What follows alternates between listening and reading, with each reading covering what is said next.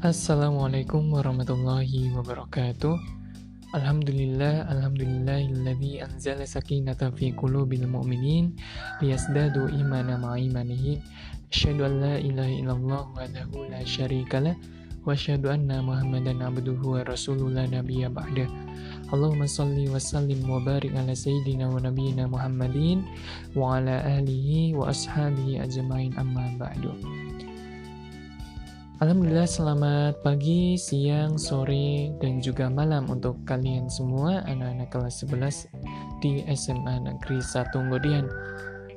Bagaimana kabarnya? Semoga kalian senantiasa baik-baik saja kabarnya. Kalaupun ada di antara kalian yang sedang kurang enak badan, sedang agak sakit atau bagaimana, semoga lekas diberikan kesembuhan sehingga bisa beraktivitas seperti sedia kala. Amin. Pada pertemuan kali ini melanjutkan dari apa yang sudah kita pelajari, kita belajar bersama-sama di pekan yang sebelumnya nih. Kan kemarin dari masing-masing di antara kalian sudah menceritakan dan menuliskan bagaimana sih kondisi ketika ada seseorang yang meninggal di kampung kalian. Dan ternyata cerita-cerita yang kalian sampaikan sangat menarik sekali dan bukan hanya di kampung saya ya yang menarik ya. Ternyata setiap kampung mempunyai khasnya sendiri-sendiri ketika apa itu namanya? Ketika ada orang yang meninggal dan bagaimana kondisi masyarakat mengurusinya gitu ya. Ya sebelumnya pertemuan kali ini kita awali terlebih dahulu dengan baca basmalah bersama-sama. Bismillahirrahmanirrahim.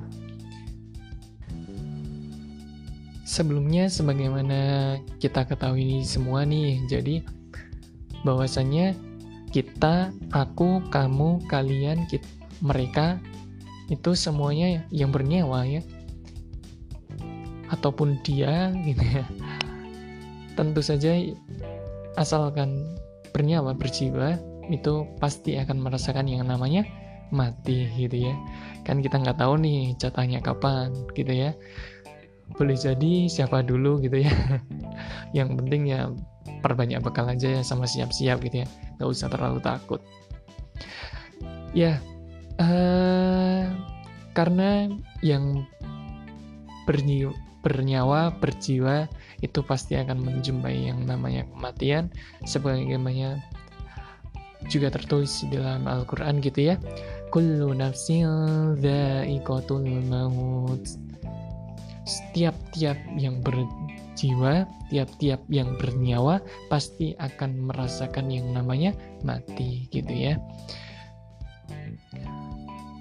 Dari ayat ini saja sebenarnya kita sudah diingatkan gitu ya, kita sudah dikasih weling dari Gusti Allah supaya kita oh sadar nih kita ini milik siapa sih gitu ya kita ini milik siapa dan kita kalau sudah diambil apa-apa yang dititipkan kepada kita, kita ini kembalinya ke siapa sih gitu ya. Nah, ketika ada seseorang yang beragama Islam di sekitar kita yang kita menjumpai meninggal gitu ya di kampung kita ataupun di desa kita itu ada empat kewajiban yang perlu kita tunaikan kepada orang yang meninggal itu gitu ya. Yang pertama adalah kewajiban untuk memandikan gitu ya. Kemudian mengkafani, mensolatkan, dan yang terakhir adalah memakamkan atau menguburkannya gitu ya. Yang mana keempat kewajiban ini tadi, keempat kegiatan ini tadi, kalau sudah ada di antara sebagian di antara kita yang melakukannya, gugur kewajiban yang lain. Karena empat hal ini itu hukumnya adalah fardu kifayah gitu ya. Jadi gugur kewajiban ketika ada sebagian yang melakukan gitu ya. Contoh semisal nih, kalau ada di kampung seseorang yang bernama A gitu ya. Nah, si A ini terkenal ketika hidup suka menggunjing, suka memfitnah dan lain sebagainya. Dan ketika meninggal, seluruh kampung itu tidak ada yang mau mengurusi jenazahnya. Nah, itu otomatis orang-orang yang ada di kampung itu itu kena dosanya gitu ya, kena keburukan karena hal yang mereka lakukan itu. Jadi apa pun kondisinya, apa pun keadaannya, tetap hak dari orang yang meninggal itu, hak orang Islam yang meninggal itu tetap wajib kita tunaikan. Baru setelah ada yang menunaikan, gugurlah kewajiban yang lain, gitu ya. Namun yang ingin saya sampaikan ke kalian nih, untuk yang pertama yang menjadi dasar sebelum kita belajar dari masing-masing memandikan, mengkafani, mensolatkan, dan juga menguburkan, itu ada satu prinsip yang ingin saya sampaikan ke kalian, yang satu prinsip ini dapat digunakan untuk menjadi pegangan kita dalam mengurusi jenazah gitu ya. Prinsipnya adalah kita mengambil hikmah dari salah satu hadis dari Rasulullah Sallallahu Alaihi Wasallam. Mayyit kakasrihi hayya. Saya ulangi lagi, kasru atmil mayyit kakasrihi hayya mematahkan tulang mayit seperti atau seolah-olah mematahkannya ketika hidup gitu ya. Jadi apa pun yang kita lakukan kepada jenazah yang sudah kaku nih jenazah yang sudah kaku yang sudah terbujur kaku dingin gitu ya itu perlakuan yang kita berikan kepadanya sama saja kita memperlakukan perlakuan itu pada dia ketika masih hidup gitu ya. Ketika kita memperlakukan dengan kasar, oh berarti kita sama saja mengkasarinya ketika hidup begitu ya. Nah, jadi pelajaran apa sih atau hikmah apa sih yang dapat kita petik dari di sini? Jadi selayaknya orang yang meninggal itu, siapa pun orangnya, bagaimanapun kondisinya, tetap kita perlakukan, kita hormati dia sebagaimana ketika dia hidup, sebagaimana dia ketika berada di antara kita, begitu ya. Hal itu berarti ketika kita memandikan, kita ya jangan kasar-kasar dalam memandikan, gitu ya tetap kita perlakukan dengan lemah lembut ketika membersihkannya dan lain sebagainya. Begitupun ketika mengkafani dan ketika menguburkannya, ketika menyolatkan juga kita perlakukan dengan lemah lembut. Tetap totok romonya tetap ada gitu ya, tetap romonya tetap ada. Nah, contoh nih, semisal ketika memandikan kita berada di, berada di sisi sebelah kanan mayit, jenazah gitu ya, kita ingin berpindah ke sebelah kanan gitu. Ya jangan ngelangkai gitu ya, jangan ngelangkai. Tapi tetap kita tetap memperlakukannya sebagaimana dia hidup gitu ya. Kan kalau ada orang hidup kita langkai juga nggak sopan gitu ya. Begitupun ketika memposisikan jenazah, ketika memandikan, mengkafani, mensolatkan, jangan kita posisikan di bawah gitu ya. Bahkan lebih cuma sejajar dengan kaki kita gitu ya. Itu jangan gitu ya. Tetap kita junjung harkat dan martabatnya sehingga kita bisa menerapkan hikmah dari hadis tadi gitu ya. Kemudian yang selanjutnya adalah siapa sih yang paling berhak untuk memandikan jenazah itu gitu ya yang pertama tentu saja adalah orang yang termasuk ke dalam mahromnya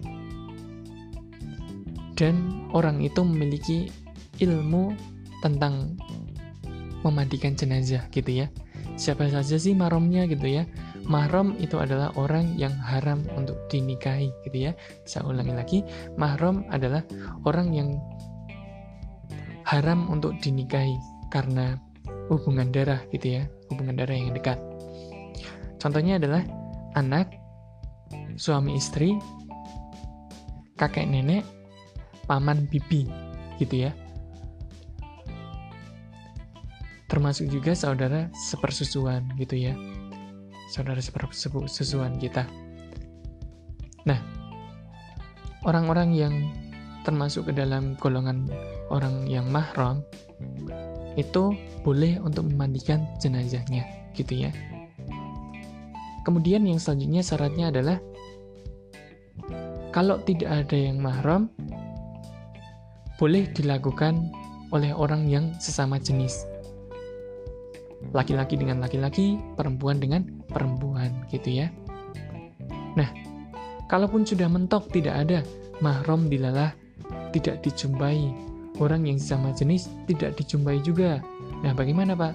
Jadi cukup nanti jenazah itu ditayamumkan dengan tidak membuka pakaian yang ketika dia kenakan gitu ya. Ketika dia kenakan. Nah, jadi proses mengkafaninya itu nanti ditutup supaya auratnya tidak kelihatan gitu ya.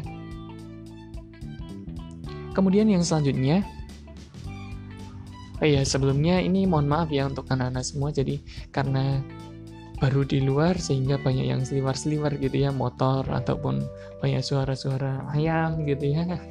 mohon maaf. Ya, tapi sebelumnya sebelum kita sampai ke memandikan ada satu beberapa hal juga yang perlu saya sampaikan. Mungkin ketika di antara kalian menjumpai orang di antara kalian yang sakaratul maut gitu ya. Mendekati ajalnya. Nah itu kita orang-orang yang berada di sekitarnya yang menjumpai kita membantu mentalkinkannya gitu ya. La ilaha illallah Muhammad Rasulullah. Diulang-ulang terus pelan-pelan kita dekatkan ke telinganya gitu ya. Supaya supaya apa? Orang yang sakaratul maut itu dapat mengikuti ucapan kita sehingga harapannya adalah kalimat thayyibah, kalimat la ilaha illallah Muhammad Rasulullah adalah kalimat terakhir yang diucapkannya. Pak, kayaknya nggak lancar ya? Nggak apa-apa, tetap kita talkinkan terus hingga dia orang yang sakaratul maut itu meninggal sempurna gitu ya. Meninggal sempurna ketika nafasnya sudah tidak terasa, terus kemudian ketika denyut nadinya tidak terasa lagi di pergelangan ataupun di leher gitu ya. Dan ketika detak jantungnya tidak terasa. Nah, ketika sudah meninggal sempurna, itu kan biasanya kondisinya mohon maaf mungkin macam-macam gitu ya. Ada yang mulutnya terbuka, ada yang air liurnya sampai apa itu namanya sampai keluar sehingga bercucuran gitu ya. Ada yang sampai matanya mendeli gitu ya. Kondisi-kondisi yang demikian kita benahi terlebih dahulu gitu ya. Ketika kita menjumpai ada yang matanya mendeli, ya kita langsung menutupkan ketika sudah sempurna gitu ya meninggal. Kemudian kalau ketika kita menjumpai ada yang mulutnya terbuka, itu kita tutupkan rahangnya, karena kalau terlambat nanti akan sulit gitu ya. Kalau terlambat akan sulit. Kalau kita sudah menutupkannya, tapi rahangnya itu nanti kembali agak membuka, kita bisa memakai bantuan tali gitu ya. Kita talikan, nggak perlu keras-keras, yang penting menahan rahangnya supaya tidak terbuka. Kita talikan dari mulai bawah dagu gitu ya. Dagu ke atas gitu ya ke atas kepala. Kita talikan. Dan kemudian tangannya kita posisikan sedekap gitu ya. Kita posisikan sedekap. Nah kemudian kalau sudah seperti itu orang yang sedemikian itu nanti kita boleh kalau di Jawa lumrahnya di Indonesia gitu ya itu kita bisa pakaikan jari terlebih dahulu untuk menutupi jenazah gitu ya, untuk menutupi jenazah. Nah, sambil untuk mempersiapkan keperluan untuk memandikannya gitu ya. Nah, setelah seperti itu nanti pakaian yang melekat ketika orang itu sakaratul maut kita lepaskan terlebih dahulu, kita tanggalkan. Kemudian orang itu dengan tetap ditutupi dengan jarik, kita pindahkan ke tempat untuk memandikannya, gitu ya. Ke tempat kita untuk memandikannya. Nah, alangkah lebih baiknya adalah ketika dipindahkan itu peralatan, perlengkapan dan lain sebagainya keperluan untuk memandikan itu sudah siap gitu ya. Pak, kalau di tempat saya memandikannya itu diletakkan di meja untuk pemandian, Pak. Nggak apa-apa gitu ya. Pak, di tempat saya masih pakai debok yang dijejer dua gitu ya. Nggak apa-apa juga gitu ya. Pak, di tempat saya masih dipangku gitu ya oleh kerabatnya orang yang mahram dengannya gitu ya. Nggak apa-apa yang penting adalah kita ketika memandikan memperlakukan jenazah itu dengan sebaik-baiknya, begitu ya. Dan apa-apa yang jenazah itu, orang ketika meninggal itu tutupi, ketika dia masih hidup, dia menutupi bagian tubuhnya, aurat-auratnya, kita wajib tetap menutupi auratnya ketika memandikan. Oleh karena itu, sebaiknya memandikan ini dilakukan di tempat yang tidak terlihat orang oleh orang lain gitu ya. Tidak terlihat oleh tetangga sekitar dan lain sebagainya gitu ya. Karena supaya menjaga hal-hal yang mungkin menjadi aib dan lain sebagainya gitu ya dari jenazahnya. Karena salah satu tantangan terbesar yang harus dijaga rapat-rapat dari orang yang memandikan adalah jangan sampai aib yang ditemukan ketika meninggal itu diketahui oleh orang lain gitu ya. Semisal mohon maaf gitu ya. Kalau orang-orang yang mungkin terkena penyakit gula itu kan ketika bagian yang tersentuh itu bisa melepuh gitu ya, bisa kalau bahasa Jawanya nyenyeh gitu ya bisa ada yang terkelupas gitu ya sehingga aib-aib itu tetap kita jaga gitu ya. Dan ketika memandikan itu peralatan dan juga perlengkapannya kita siapkan terlebih dahulu termasuk wadah-wadah air boleh memakai langsung selang gitu ya tapi dengan pancuran yang juga diperhatikan jangan terlalu kayak kompres kompresor itu ya nanti malah merusak bagian-bagian jenazah, menyakiti gitu ya. Kemudian kita siapkan juga air yang sudah dicampur dengan kapur barus gitu ya. Fungsinya untuk apa? Fungsinya adalah untuk supaya jenazah itu nanti ketika sudah siap untuk dikafani dan juga disolatkan itu nanti jenazah tidak mengundang semut gitu ya supaya tidak dihinggapi semut gitu ya perlu disirami dengan air yang dicampur dengan kapur barus kemudian sabun pewangi dan lain sebagainya cotton bud untuk membersihkan kotoran di telinga terus kemudian tusuk gigi itu untuk membersihkan sela-sela kuku ataupun bagian lainnya gitu ya nah kita bahas step-stepnya ya untuk yang pertama, setelah jenazah mayit itu dibaringkan gitu ya. Boleh di atas debok, boleh di atas meja, boleh di bangku gitu ya. Yang pertama adalah sambil tetap menutupkan dengan jarik yang tadi digunakan untuk menutup, itu diguyur air dari mulai atas kepala sampai ke bawah. Mengguyurnya sebenarnya tidak ada ketentuan gitu ya jumlahnya berapa kali. Yang penting dirasa cukup. Kemudian jenazah itu didudukkan terlebih dahulu gitu ya didudukkan sambil perutnya ditekan. Supaya apa? Supaya kotoran yang masih tersisa itu bisa keluar melalui duburnya gitu ya. Pak kalau tetap nggak keluar gimana? Apakah perlu menekannya sangat keras sekali? Ya nggak perlu, sekedarnya saja gitu ya, sekedarnya saja. Kalau sudah dirasa tidak ada kotoran yang keluar, ya sudah. Cukup diteruskan nanti proses memandikannya gitu ya. Proses-proses memandikan yang lain diteruskan gitu ya.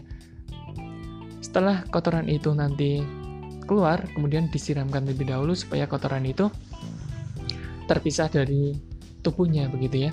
Kemudian yang selanjutnya adalah semisal dicek dulu semisal di jarinya masih ada cincin gitu kita lepas terlebih dahulu kalau di jumpai masih ada semisal perhiasan, kalung dan lain sebagainya kita lepas gitu ya. Pak, kalau kuku gigi palsu gimana? Kan biasanya juga ada tuh yang sepuh-sepuh suka ada punya gigi palsu gitu ya.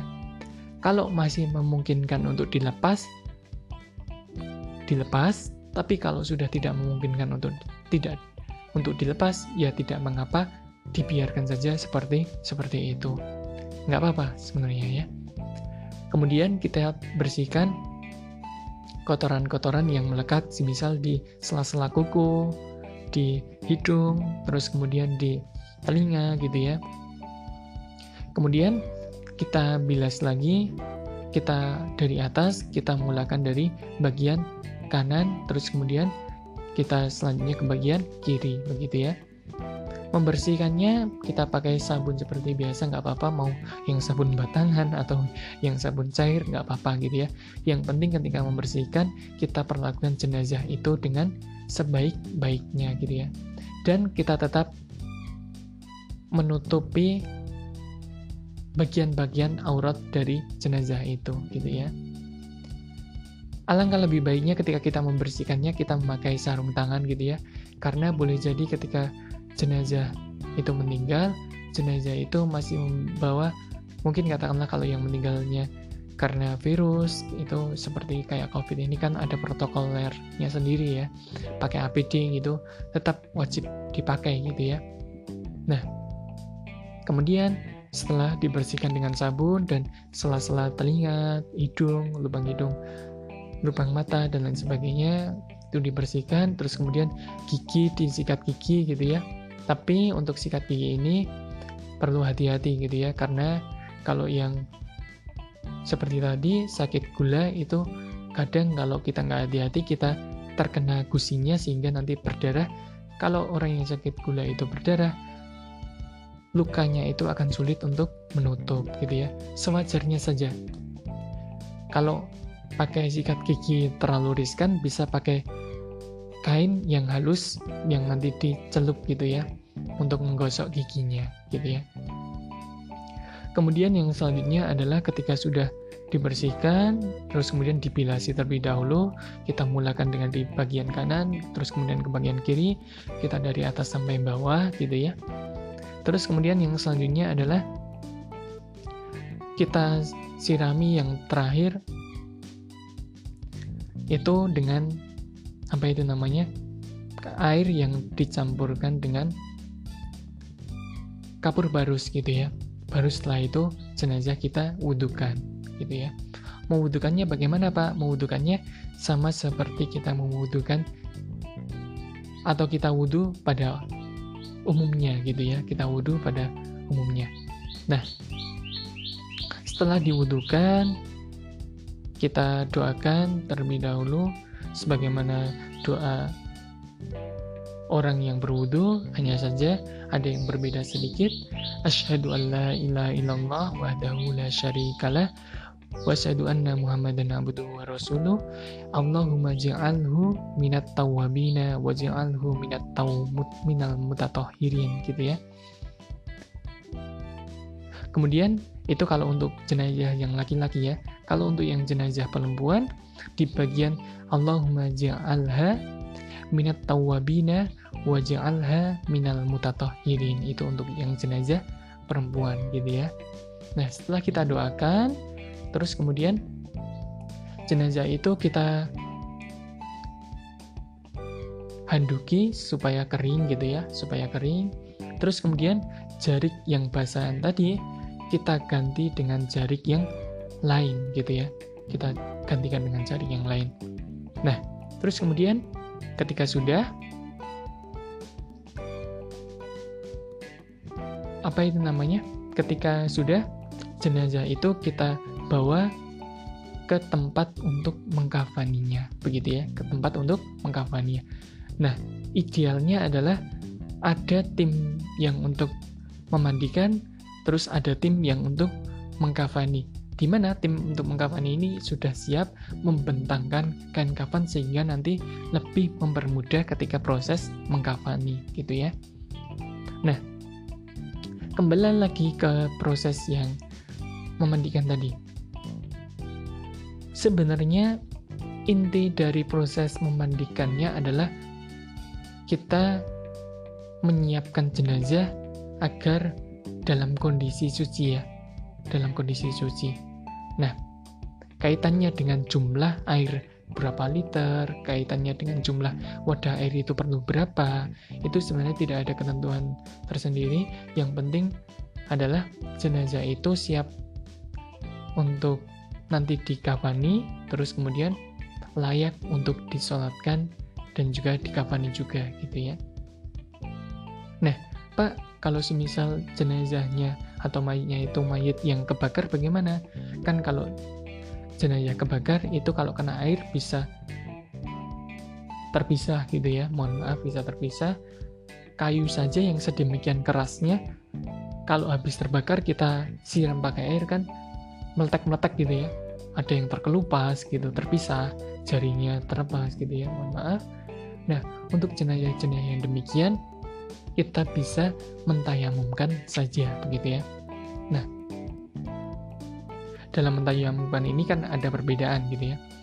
Ada yang menangkupkan di debunya itu sekali untuk wajah dan juga tangan, tapi ada juga yang dua kali. Satu untuk wajah, terus mengambil lagi, kemudian untuk tangan gitu ya.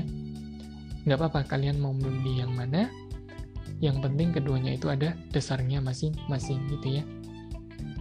Pak, ada tidak sih jenayah yang tidak perlu kita mandikan gitu ya? Ya selain jenayah yang sakit tadi, baik karena virus ataupun karena terbakar dan lain sebagainya, ada jenazah yang karena mati syahid gitu ya, berperang sampai berlumuran darah seperti itu, itu tidak wajib untuk dimandikan. Karena apa? Rasulullah mengatakan agar supaya kelak ketika mereka dibangkitkan darah-darah yang bercucuran, darah-darah yang keluar dari tubuhnya akan menjadi pewangi, akan menjadi pengharum yang dengan sebaik-baik pengharum gitu ya. Sangat wangi sekali gitu ya. Besok ketika dia dibangkitkan. Terus kemudian adalah orang-orang yang sedemikian itu tidak wajib untuk dimandikan, begitu ya. Kemudian yang selanjutnya kaitannya dengan mensolatkan, insya Allah kita bahas di pertemuan yang selanjutnya. Yang penting prinsip yang saya sampaikan tadi mengambil atau menjadi hikmah dari hadis yang sudah saya sampaikan tadi, kita memperlakukan jenazah itu sebagaimana kita memperlakukannya ketika hidup gitu ya kita tetap hormati, kita tetap tata kerama, keramanya tetap ada gitu ya. Nah, mungkin sekian itu kita akhiri dengan baca hamdalah bersama-sama. Alhamdulillahirrahmanirrahim. Ada kurangnya mohon maaf dari saya. Wassalamualaikum warahmatullahi wabarakatuh. Semoga bermanfaat. thank you